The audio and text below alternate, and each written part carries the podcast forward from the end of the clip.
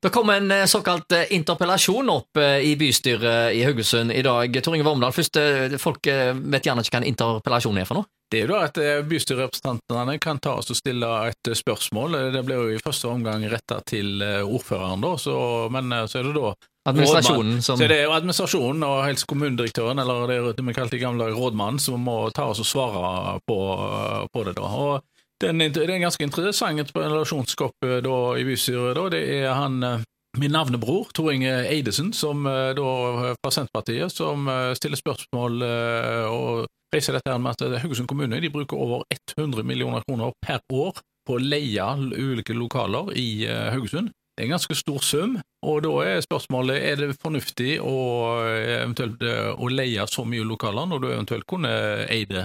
Og på toppen av det hele så viser det seg jo det at når du, som leietaker så er du vant med at det er den som du leier av som holder byggene ved like, men i stor utstrekning så driver Haugesund kommune òg og betaler både leie og de vedlikeholder byggene de leier.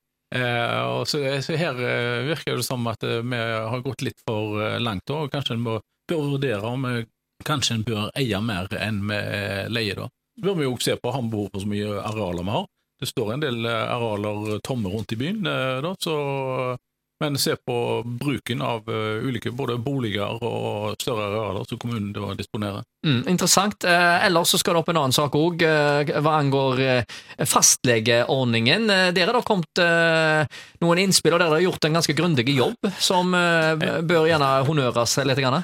Ja, det har kommunen gjort en eh, god jobb, eller administrasjonen gjort en god jobb med å legge ut en uh, oversikt over hva skal en gjøre for å så uh, dekke innbyggernes behov for fastlege. Nå er det faktisk over 2000 innbyggere i Haugesund som ikke har fastlege. Vi er mye bedre stilt enn f.eks. Karmøy, men likevel så er det behov for uh, å ha en, i fall en plan på det.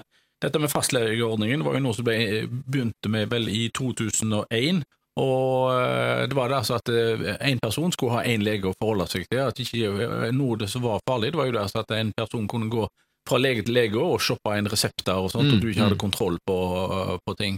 Eh, Så ordningen er jo veldig fornuftig. eh, Da fungerer egentlig godt i Haugesund. Vi har vel ca. 34 fastleger eh, i eh, Haugesund, eh, da, og, men nå legges det opp til at du skal få eh, litt flere.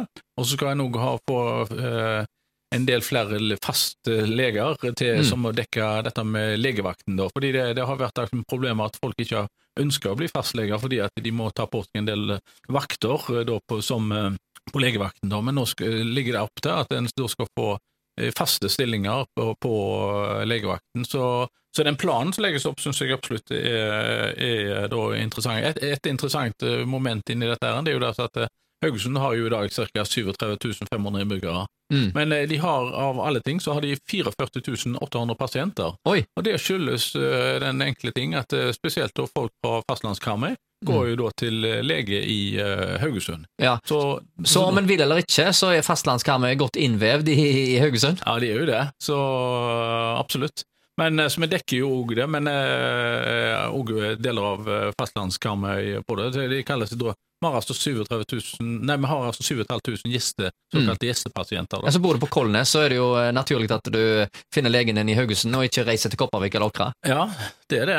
Så, øh, men det er jo ikke en opplagt øh, ting at Haugesund kommune da bør ta oss og dekke det behovet der, da. Men i alle fall, jeg syns Haugesund kommune har vært flinke. Det med, og nå griper de fatt i et problem som kan bli et problem, da, og som Karmøy har slitt med i veldig mange år.